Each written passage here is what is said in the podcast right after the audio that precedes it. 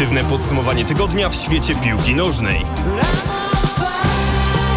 Od słonecznej Katalonii po zimne noce w Stołk. W każdą środę o 18.30. No Ameryka nawet taką małą minutkę przed czasem jesteśmy z wami, drodzy słuchacze. 18.30 za chwilkę na naszych e, zegarach wybije. Przy mikrofonach Krzysztof Więż. Piotrek Przyborowski. Mamy oczywiście również gościa, którego za chwilkę przedstawimy. Realizuje nas e, Michał Janowski, którego dawno z nami nie było, więc serdecznie witamy Michała. E, Michał był w ciężkim szoku, muszę ci Piotrek powiedzieć, jak mu powiedziałem, że będziemy pół godziny rozmawiali, powiedział, że zaśnie, więc już się nie lubimy z Michałem. Dobranoc, panie Michale, w takim razie. E, no i witamy naszego gościa, Mateusz Hawrot, meczyki.pl. Halo Mateuszu, czy, czy się słyszymy? E, Tak, słyszymy się. Cześć, witam Was, witam serdecznie wszystkich. No mam nadzieję, że właśnie dzięki naszemu go gościowi dzisiaj nie zaśniemy tutaj, ani Michał nam nie, nie zaśnie. No tak, tak. Mamy nadzieję, Mateusz, że nas tutaj za, za, zabawisz nas tutaj po prostu tutaj z orkiestrą wiedziesz, bo, e, bo sprawa wygląda tak, że e, przyznam, że przed, przed tą naszą dzisiejszą audycją sobie sprawdziłem, kiedy poprzedni raz u nas, poprzednim razem u nas gościłeś. To na pewno ważna data w twoim życiu, ale, ale przypomnę ci, że to był 1 września. Pamiętasz takie rzeczy? E, Tak, jak najbardziej pamiętam, ale to tylko znaczy, że czas szybko leci, bo dopiero co byłem, a to już mam przyjemność e, ogromną oczywiście drugi raz z Wami rozmawiać na podobny temat, jak mnie mam. Tak jest, temat podobny, bo wtedy rozmawialiśmy pod koniec, e, właściwie to już po zamknięciu okienka letniego, e, a w tej chwili rozmawiać będziemy po zamknięciu e, okienka zimowego, no właśnie o tych zimowych transferach, nie tylko o Deadline Day, ale w ogóle o tym, co najważniejszego wydarzyło się na rynku transferowym. Jeśli nie śledziliście tego e, lub macie wrażenie, że macie jakieś zaległości, to mamy nadzieję, że dzisiaj pomożemy wam je nadrobić. E, No a przede wszystkim moja rola dzisiaj będzie ograniczała się do tego, żeby troszkę jednak e, zredukować to nagromadzenie transferów do Premier League, bo wiem, że tutaj Oj, no, dwóch będę- panów będę- goszczących tak, tak. antenie. Chociaż myślę, że jakbyśmy z Mateuszem zaczęli omawiać dzisiaj transfery do Arsenalu, to byśmy chyba sobie tutaj za dużo nie porozmawiali, prawda Mateusz? Znaczy mi się wydaje, że y, zależy, czy byśmy się skupili na samych transferach, których nie było, więc właściwie ta rozmowa byłaby zupełnie niepotrzebna, czy byśmy jednak zanurzyli się w background, bo tutaj można tak opowiadać, że dyrektor sportowy Arsenalu Edu Gaspar na pewno by zdążył grilla zrobić, co, co bardzo lubi, a niekoniecznie lubi dokonywać ostatnio transferów. No tak, tak. Już, już może nie będziemy się zagłębali za bardzo w ten temat, bo coś czuję, żebyśmy stracili na nim tak przynajmniej 15 minut. E, zajrzałem sobie, odsłuchałem sobie tej ostatniej audycji, jak byłeś u nas Mateusz, goszta, e, Mateusz gościem, początku tej audycji. Rozmawialiśmy wtedy o transferach Saula, o transferach De Jonga i o transferach Griezmana. Naprawdę muszę przyznać, Top że... transfery, top. Top transfery, bardzo, bardzo mnie to rozbawiło w kontekście tego, jak wyglądali. I, ale, ale wiedzieliśmy, co się święci mniej więcej w, tym przypadku tych zawodnika, zawodników. Mówiliśmy też o Kuni, więc, więc wszystko tak naprawdę w większości flopy te transfery ostatniego okna. Znaczy, szczerze mówiąc, z tych transferów, które wymieniłeś e, pierwszych trzech, to Luke de Jong okazał się najlepszy. E, To prawda. To samo, samo w sobie jest bardzo no, śmieszne, bo jednak mimo wszystko nikt się tego raczej nie spodziewał, a ten, ten w tej Barcelonie pomógł i na pewno jest wzorem, jeśli chodzi o profesjonalizm, to także trener Xavi Hernandez podkreślał. Za to Barcelona teraz, e, można powiedzieć, że wykonała troszkę ciekawsze i bardziej korzystne, wydaje się, ruchy do klubu. No to może przejdźmy już właśnie do tego mięcha, do tego, o czym chcemy dziś rozmawiać. Wywołałeś Barcelonę, więc od niej zacznijmy, no bo tam naprawdę sporo ciekawych rzeczy się w tym okienku działo. Y, Tak, przede wszystkim y, Barcelona zaczęła okienko właściwie jeszcze przed styczniem, czyli najpierw zatrudniła z wolnego transferu Daniego Alvesa, który pokłócił się w Brazylii, odszedł z klubu, w którym grał wcześniej. I jak widać okazał się już wzmocnieniem drużyny, co, co zdołał pokazać, mimo też, że zdołał pokazać niezbyt mądre zachowanie w ostatnim meczu z Atletico, za to zresztą został już zawieszony. Na dwa mecze, na dwa mecze ostatecznie. Tak, na pewno się okaże, okaże wzmocnieniem, szczególnie, że na konkurencję nie jest na wysokim poziomie, bo ani, ani Serginio Dest, ani Sergio Roberto, który prawdopodobnie zresztą z Barcelony w czerwcu odejdzie, problemów mu nie przysporzą, więc jak tylko Dani Alves nie będzie polował na nogi rywali bez, bez, bezsensownie, to na pewno tej drużynie pomoże. Tak jak myślę pomoże Ferran Torres, było trochę takich opinii, że Barcelona y, ściąga rezerwowego Manchesteru City, że gdyby Ferran Torres faktycznie był takim kozakiem, to Pep Guardiola by go nie puścił, ale tutaj background, background też jest taki, że Ferran sam chciał odejść, czego Guardiola nie ukrywał, chciał wrócić do ojczyzny i myślę, że tej Barcelonie bardzo się przyda, nawet jeśli kosztował łącznie bo ta kwota zostanie zapłacona w ratach kilkadziesiąt milionów euro, to myślę, że tak wszechstronny piłkarz Torres, który zagra i na bokach ataku jako taka fałszywa, fałszywa dziewiątka. Na pewno Barcelonie pomoże, o ile oczywiście dojdzie na razie do pełnej dyspozycji, bo warto przypomnieć, że on kilka miesięcy nie grał w piłkę, więc, więc myślę, że powoli, powoli, ale będzie dla tej Barcelony coraz ważniejszy. Tak jak zresztą Adama Traore, którego no nie uważam za dobrego piłkarza, jak na taki poziom, szczerze mówiąc. To zresztą udowadniał y, w barwach Wolverhampton, że jest raczej no, przereklamowany, mówiąc, mówiąc wprost, ale jednak Ale wiesz co, wetnę się, tutaj w słowo troszeczkę, bo wiesz, ten sezon Adamy Traore faktycznie bardzo słaby i, i raził nieskutecznością, ale w poprzednim sezonie ta współpraca z Jimenezem układała się naprawdę przyzwoicie, więc teraz zjazd formy, nie jestem przekonany szczerze mówiąc do tego, co teraz mówię, ale chcę trochę stanąć w opozycji, że Adram, Adama Traore może naprawdę nie być takim złym ruchem. Znaczy, ja myślę, że on będzie dobrym ruchem o tyle, że Barcelonie taki piłkarz robiący wiatr na skrzydle, Mhm. mądrzejszy niż, niż Dembele, na pewno się przyda, co już pokazał. A to drugie łatwiej mu się będzie, myślę, odnaleźć y, w lidze hiszpańskiej i też ma większą motywację, tak, bo wrzucił wielkie pieniądze od Tottenhamu, żeby przyjść do tej Barcelony. To jest taki transfer sensowny, na którym mało kto straci, bo Traore jest wypożyczony, tak, i jeśli coś by, nie daj Boże, nie poszło, po prostu wróci do Anglii.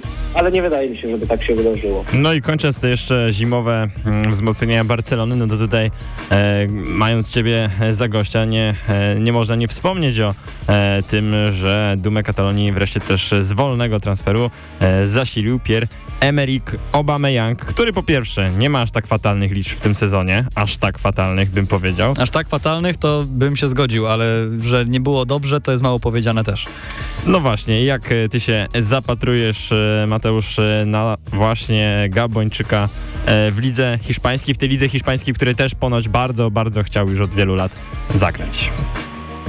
Znaczy ja myślę, że y, jest to transfer, y, to przejście Aubameyanga na Camp Nou. Opłaci się każdemu, bo i Arsenal trochę zleciał, zleciał z jego pensji i sam piłkarz będzie grał zamiast siedzieć na trybunach, co, co u Mikel Artety granie nie było możliwe. I Barcelona po tym, y, jak Aguero musiał skończyć karierę, otrzymuje takiego środkowego napastnika, ale to jest duża zagadka ten transfer, bo Oczywiście Barcelona zrobiła fajny ruch, że w ogóle ściągnęła Gabończyka do klubu, ale muszę przypomnieć, że to jest kilkanaście miesięcy, gdy on właściwie nie licząc jakichś pojedynczych przebłysków, oglądałem jego, myślę, prawie każdy mecz i on był cieniem samego siebie, a bramki, które strzelał w tym sezonie, może z wyjątkiem jednej czy dwóch i meczu z rezerwami West Bromu, to było dobijanie piłki do pustej bramki praktycznie, co i tak nie zawsze mu wychodziło, więc byłbym bardzo sceptyczny, ile jest to fajny transfer marketingowo może pewnie parę bramek Barcelony, dla Barcelony strzeli, no to nie byłbym nadmiernie optymistą, chyba że przejdzie, e, będzie jakiś renesans formy u, u Auby, ale raczej wchodziłbym ostrożnie, no bo ma i pewnego poziomu on już nie przeskoczy, to na to też ma wpływ, myślę, jego postawa pozaboiskowa, co udowodnił w Arsenalu i ostatnio z, na reprezentacji przy okazji Pucharu Narodów Afryki.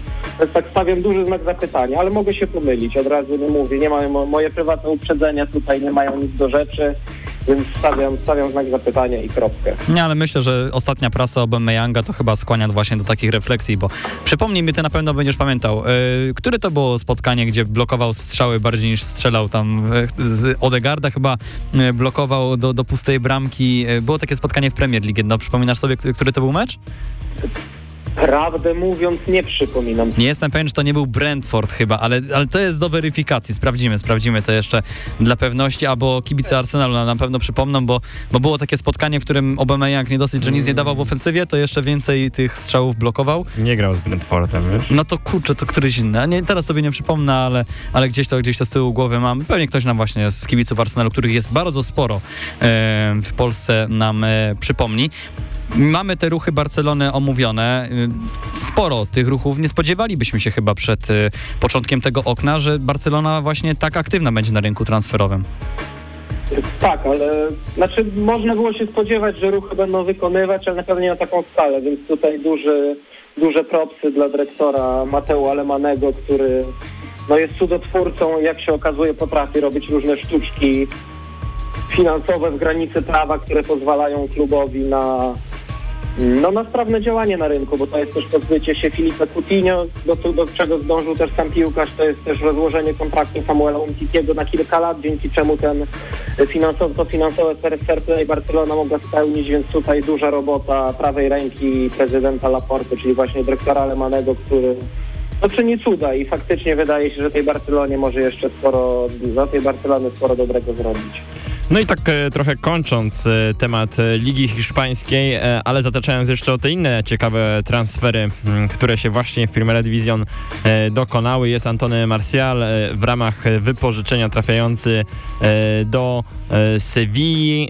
Jest też oczywiście również Brian Gil e, do m, tutaj wypożyczenie z, do e, do Walencji, a więc mamy takie nieco czyszczenie e, tych e, angielskich e, szatni i, i sprowadzanie tych zawodników e, do, do Hiszpanii. Jest oczywiście też Ilaisz Moriba, wypożyczony z Lipska też e, do, e, do Walencji. Który jeszcze taki ruch e, w Hiszpanii, Mateusz, cię jakoś tak e, pozytywnie zaskoczył? Bo ogólnie kluby hiszpańskie raczej oszczędzały w tym okienku, e, nie wydawały, nie wydawały dużych pieniędzy, tak jak zresztą większość e, klubów oprócz e, tych przedstawicieli tej jednej ligi, do której pewnie zaraz przejdziemy. Na pewno zwrócił jeszcze uwagę na to, że Giovanni Lo został rzutem na taśmę wypożyczony z Tottenhamu do Villarrealu, gdzie pod wodzą Unaja Emery'ego myślę, że może pokazać też czego jest znany, czyli na pewno lepszą grę niż w Tottenhamie, gdzie też no nie do końca mógł się przez te półtora roku odnaleźć, a na wypożyczeniu z Villarrealu, gdzie będzie współpracował z Unajem Emerym, którego którego zna, może zrobić sporo dobrego. Mamy też y, Jesusa Koronę w Sewilli, to jest taki nieco w cieniu transferu Antonego Martiala. Ruch też się wydaje fajny, nie jestem przekonany, czy Martial zrobi lepsze liczby od, od Korony w reszcie tego sezonu. E, No a jeśli chodzi mm, właśnie e, o Martiala i, i o ligę, gdzie gra, to chyba przyjedziemy jednak do tej, do tej Premier Tak, League. gdzie pozwolisz mi? O, dziękuję Myślę, ci łaskawco. Możemy, możemy przejść. Naprawdę. Jeszcze a propos, nawet będę miał wątek tam chyba jakiś. A propos Premier League, to sprawdziłem jeszcze to, ten, ten strzał zablokowany Aubameyanga, y, oddawany przez Odegarda, zablokowany przez Aubameyanga, oddawany przez Odegarda, to w meczu z Watfordem były te, te akcje, więc, więc możesz Mateusz sobie tam z odtworzenia zobaczyć i tak z łezką oku wspomnieć, jaki piękny był ten y, Aubameyang w tym sezonie. Mm, przechodzimy do, do Ligi Angielskiej właśnie, y, w której no wzmacniało się Newcastle. Czego mogliśmy się spodziewać przed tym oknem transferowym? Ale czego nie mogliśmy się spodziewać, że będzie wzmacniać się całkiem mądrze. Tak, bo naprawdę te ruchy wydaje się, że w większości nieprzepłacone, no i całkiem z sensem. Jak ty oceniasz y, te właśnie ruchy Newcastle? No, jestem mile zaskoczony, prawdę mówiąc, bo bałem się, no to to wspomnieliście i myślę, że sporo kibiców także, także Strop miało obawy, że zacznie się skupowanie byle kogo, takich podstarzałych gwiazd, które kiedyś coś tam dobrego zrobiły, ale generalnie to mogą wielu korzyści nie przynieść, a tu naprawdę pokazało Newcastle, że da się przeprowadzić na papierze mądre transfery, bo może oprócz no, przepłacenia za Chrisa Uda, bo mówi się, że taki piłkarz nie jest warty 20 kilka milionów funtów, ale swoje zadanie może spełnić i parę bramek pewnie strzeli, no bo na dół tabeli Premier League y, spełnia po prostu swoją rolę. Na pewno świetnym transferem, a nawet przede wszystkim jest Bruno Guimaraes, którego przejście do Newcastle jest no generalnie sensacja, bo oczywiście to są wielkie pieniądze, to jest ekscytujący projekt, zakładając, że, że troki nie spadną, ale piłkarz, który mógłby z powodzeniem, myślę, występować prawie w każdej drużynie Anglii, może, może oprócz Manchesteru City. I znalazłby tam miejsce i powinien być pierwszoplanową postacią, przenieść się jednak do zespołu, który bije się o utrzymanie i prawdopodobnie będzie się bił, myślę, że skutecznie do końca sezonu, więc tutaj a sam Bruno Guimaraes też niewiele ryzykuje, bo nawet jeśli on się pokaże z dobrej strony, a Newcastle by, nie daj Boże, dla niego spadło, no to miejsce w lidze na pewno na pewno utrzyma. Bardzo dobrym transferem jest też ściągnięcie Kierana Trippiera, szczególnie, że Trippier chciał wrócić z Hiszpanii do Anglii, szczególnie, że Newcastle nie zapłaciło za niego jakiejś fortuny.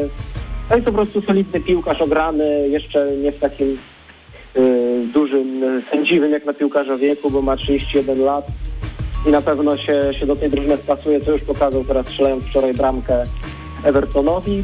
Po drugiej stronie Newcastle ściągnął Mata Targeta z Aston Villa. To też jest y, pochwała dla, dla osób odpowiedzialnych w tym klubie za transfery, bo gdy tylko do Aston Villa wszedł Lucas Dean, to Matt Target, który dotychczas był podstawowym lewym obrońcą, stał się trochę niepotrzebny i było ryzyko, że spędzi pół roku, pół roku na ławkach. Tutaj raz, dwa, trzy, tak weszło Newcastle z ofertą i wypożyczyło bardzo dobrego, uważam, jak na warunki Premier League, bocznego obrońcę.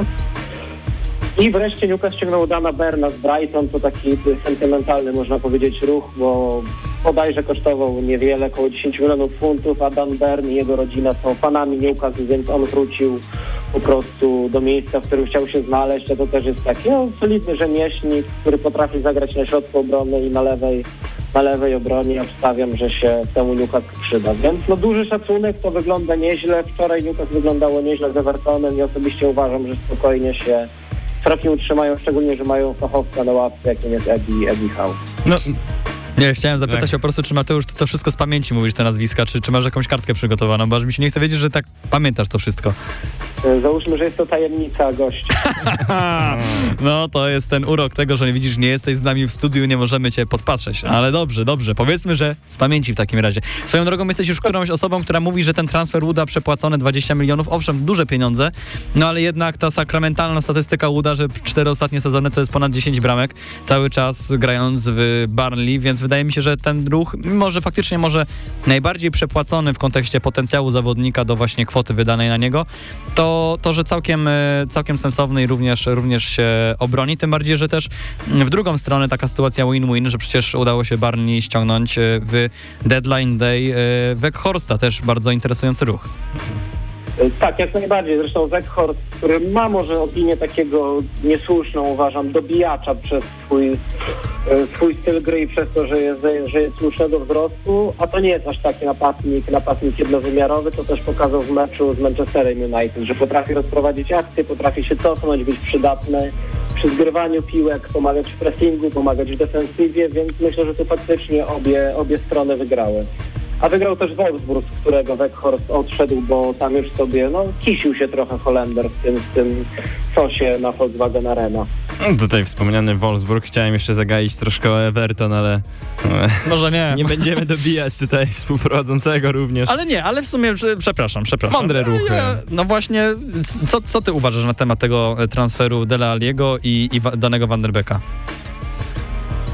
No cóż, no piłkarze niewiele ryzykują, bo lepiej grać, e, bo myślę, że obaj będą w pierwszym składzie docelowo. Obaj będą grać, e, obaj będą grać u niezłego menedżera, który myślę, że jakoś ten Everton to układa, a w swoich dotychczasowych klubach e, Dele Ali prawdopodobnie nie grałby stale, a Van de Beek wchodziłby na końcówki u Ralfa Rangnika. No, obaj piłkarze mają coś do udowodnienia, obaj piłkarze, no bardziej Van de Beek myślę, chcą się pokazać, że, że, że, że mogą udźwignąć ten angielski futbol, a Dele Alli chce, bo chciałby pewnie po prostu udowodnić, że jeszcze jest w stanie grywać na takim poziomie, no bo ostatnie lata w jego wykonaniu, 2-3 sezony, to jest y, spory zjazd. No więc uważam, że no, miał, co zrobić Everton lepszego, no pewnie jakoś im się to opłaci.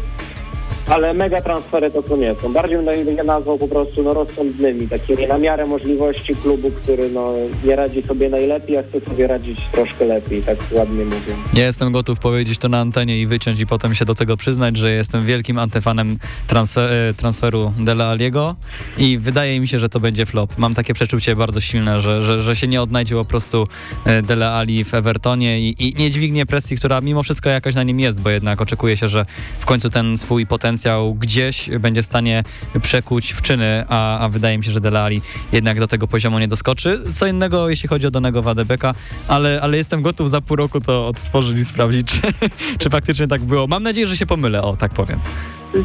No, ja muszę też przebrać pod uwagę, że Dele Alli dał się poznać jako piłkarz, który nie jest jakimś Tytanem pracy. selektu, czy dyscypliny, czy Mhm. więc to może być, to może być problem, nie tyle umiejętności piłkarza. Tak jest, tam, to mnie właśnie niepokoi.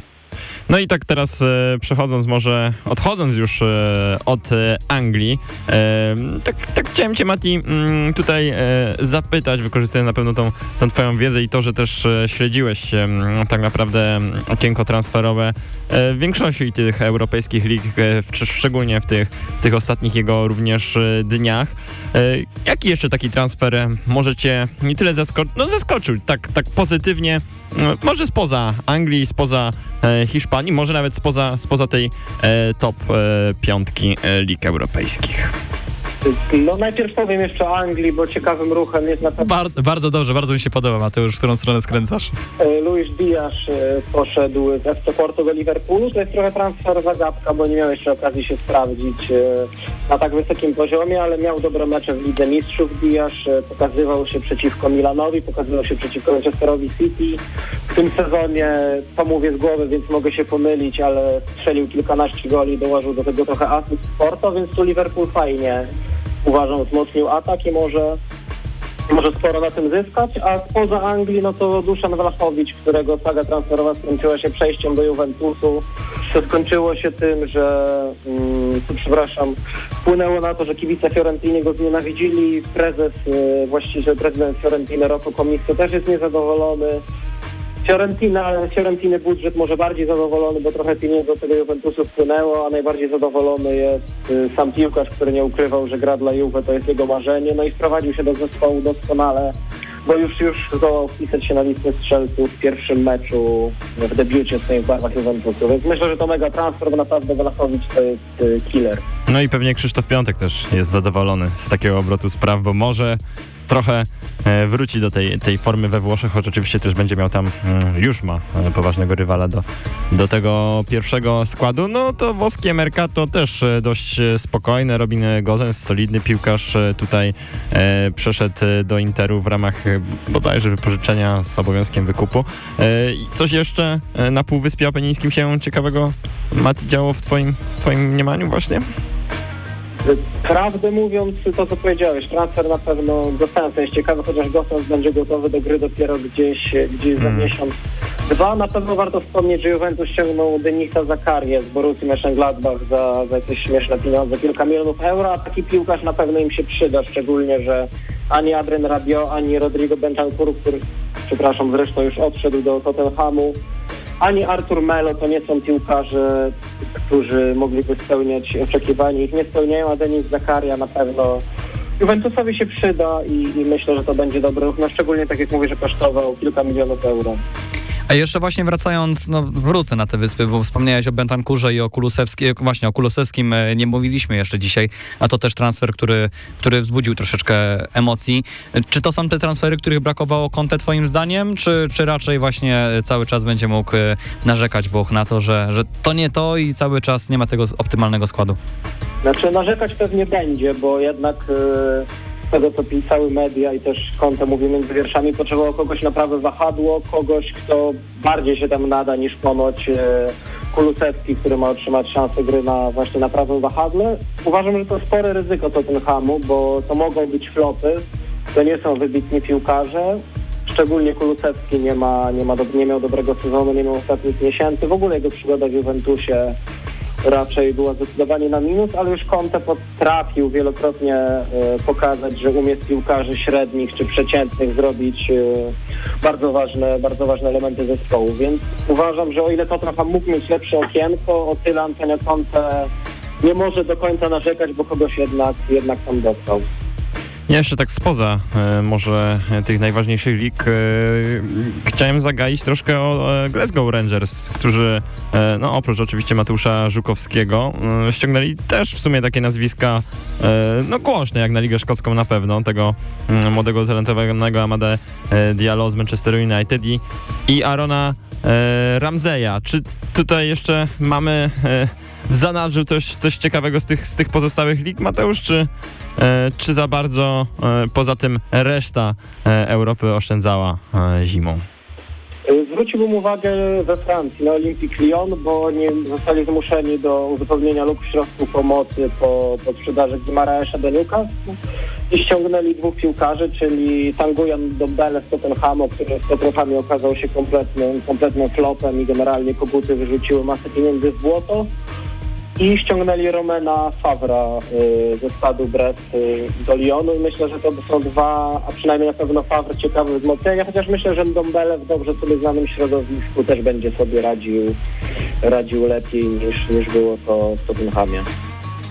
E, no i jeśli chodzi o, o, Francję, to tam jeszcze na pewno ciekawym transferem powrót Bakambu do, do Europy i rywalizacja z Arkadiuszem Milikiem o ten pierwszy skład, chociaż oni też mogą być oczywiście połączeni razem. Patrzę sobie jeszcze też na te najwyższe transfery zimą, o których też już wspominaliśmy. Jest Wlachowicz, jest Torres, Diasz, Gigi Maraesz, no jest też Luka Dini, który... Ała, ała, ała. Chris Wood w ogóle e, według e, tego, co mamy, do, według tych źródeł, które mamy e, dostępne w sieci, jest szóstym najdroższym zawodnikiem tego okienka transferowego i to też troszkę potwierdza nam, że kluby chyba ogólnie jednak e, oszczędzają, prawda? Znaczy i oszczędzają i myślę, że też rynek transferowy, jego specyfika popandemiczna jest taka, że tutaj wypożyczenie, tam wypożyczenie z opcją wykupu, tutaj jakieś dogadanie się mm, na sprzedaż na ratę i to tak się dzieje, że przecież i Filipe Coutinho to też jest ciekawy ruch, przecież do Aston Villa wypożyczony i Martial wypożyczony, Robin Gossen wspomniany też jest wypożyczony, tyle że z obowiązkiem wykupu. Y, No przecież Obama Young tak przeszedł y, za darmo ostatecznie po, po rozstaniu z Arsenalem. Więc no taki mamy rynek i myślę, że tych darmowych transferów, w cudzysłowie oczywiście darmowych, będzie coraz więcej, bo to też piłkarze coraz częściej rozdają karty, bo, bo wolą skończyć kontrakt w jednym miejscu, podpisać w drugim i zgarnąć y, grubą kasę za podpis jako wolni agenci. Wspomniałeś o Coutinho, jeszcze to, tego, ten wątek chciałbym chwilkę pociągnąć, dlatego że e, to też jest ciekawy ruch, nawet ze względu na podejście Stevena Gerrarda do Gerrarda, Gerrarda do budowania e, zespołu. E, Jak twoim zdaniem to wpłynie na zespół? No bo wiemy, że Aston Villa wydała już wcześniej sporo pieniędzy i, i w tej chwili dodatkowy taki transfer e, myślę, że narzuca sporą presję e, Steviemu G, żeby ten wynik jednak dobry pod koniec tego sezonu osiągnąć. Z jednej strony tak, z drugiej no trudno się spodziewać, żeby jednak Aston Villa w tym sezonie się zakwalifikowała do pucharów, no bo ma na to ma do, zbyt dużą stratę do, do drużyn, które są wyżej, do Arsenalu, do Tottenhamu czy do Manchester United. No też oczywiście spadek im nie grozi, więc myślę, że Gerrard ma kilka spokojnych miesięcy, żeby to ładnie poukładać i przy okazji sprawdzić, czy Coutinho jeszcze się nadaje do gry na takim poziomie, bo jak wiemy jest to piłkarz z świetnymi umiejętnościami, ale mający swoje problemy no i zagadka, prawdę mówiąc, bo, bo, bo nie, ma, nie mam pojęcia, jak jego przygoda w Anglii, jego powrót do Anglii będzie wyglądał. Zobaczymy, zobaczymy, bo obiecujący miał wejście tak z Manchesterem United, grał też y, z Evertonem. Dzisiaj gra z Leeds y, o 21 y, Coutinho, więc no mówię, Gerard ma spokój, Gerard ma niezłą kadrę, klub ma pieniądze, klub chce ambitnie być budowany, klub chce być coraz mocniejszy, więc ten projekt Villa naprawdę, naprawdę jest ciekawy i Coutinho może, ale nie musi być jego ważnym elementem. To jest, myślę, bardzo ciekawe pytanie i dzisiaj na pewno również będziemy śledzili to, jak będzie występowała e, drużyna Aston Villa. Podsumowując tak już naszą e, dzisiejszą audycję powoli, czy to jest jedno ze słabszych okienek, które mieliśmy w ostatnich latach? Wydaje mi się, że nawet znalazłoby się w top 1, jeśli wzięlibyśmy pod uwagę ostatnie dwa lata chyba, e, może nawet więcej, bo jeśli w pół godziny zdążyliśmy omówić większość tych transferów najciekawszych, no to faktycznie biedę mieliśmy w tym okienku, mówiąc szczerze. Ja się nie zgodzę. Znaczy, może tak, efekty końcowe okienka były różne, tak? Bo były kluby, które działały trochę lepiej, były kluby, które nie ściągały nikogo, tak jak Arsenal czy Manchester United, ale generalnie myślę, że emocji nie brakowało, bo i do końca było, było gorąco wokół choćby Barcelony i Obama-Yanga, No i Dembele. i Dembele, tak, który w końcu został. Więc myślę, że emocji było sporo i tych fajnych transferów jednak, jednak sporo, sporo znajdziemy, tak? No bo to jest i to jest i Wlachowicz, yy, to jest wspomniany już Diasz, to jest właśnie właśnie Aubameyang, więc myślę akurat, że nie możemy aż tak narzekać na to okienko. Pamiętajmy, że to jest zima, pamiętajmy, że nie da się zrobić wielu, wielu transferów za grubą za grubą kasę, więc ja bym nie był aż tak sceptycznie nastawiony, szczególnie tak, że mamy szczególnie, że mamy pandemię, mamy dziwną tą specyfikę, specyfikę rynku ja uważam osobiście, że było nieźle, sam bawiłem się zajmując się tymi transferami całkiem fajnie, bo, bo dziennikarze zagraniczni dostarczali dużo plotek. I myślę, że tych kilkanaście transferów jak na zimę naprawdę fajnie przeprowadzono i nie ma co być aż tak y, mocnym krytykiem tego okienka. To w takim razie tyle, y, bo nie będę się wdawał w dyskusję, czy, czy to okienko było tak złe, czy, czy, czy niezłe. Y, Miejmy tutaj rozbieżne zdania w takim razie. Y, Mateusz Hawrot był naszym dzisiejszym gościem, portal meczyki.pl. Zresztą Mateusz, no właśnie, relacjonował te ostatnie dni okienka, więc bardzo dobrze doinformowana osoba w tym temacie, jak mamy nadzieję, zdążyliście zauważyć. Wielkie dzięki Mateusz za to, że byłeś dzisiaj naszym gościem. To ja Wam dziękuję oczywiście za zaproszenie. Mam nadzieję, że przy kolejnym okienku też y, będę mógł z Wami Zaklepujesz miejsce, mówisz? Tak, zaklepuję miejsce zdecydowanie. Wpisujemy się do naszego złotego kajetu gości i, i, i za, Do usłyszenia za pół roku. Do usłyszenia za pół roku w takim razie. E, Dzisiejszą audycję realizował e, Michał Janowski przy mikrofonach standardowo Krzysztof Więż. Piotr Przeborowski. Dziękujemy wam za dziś i do, Do usłyszenia. usłyszenia.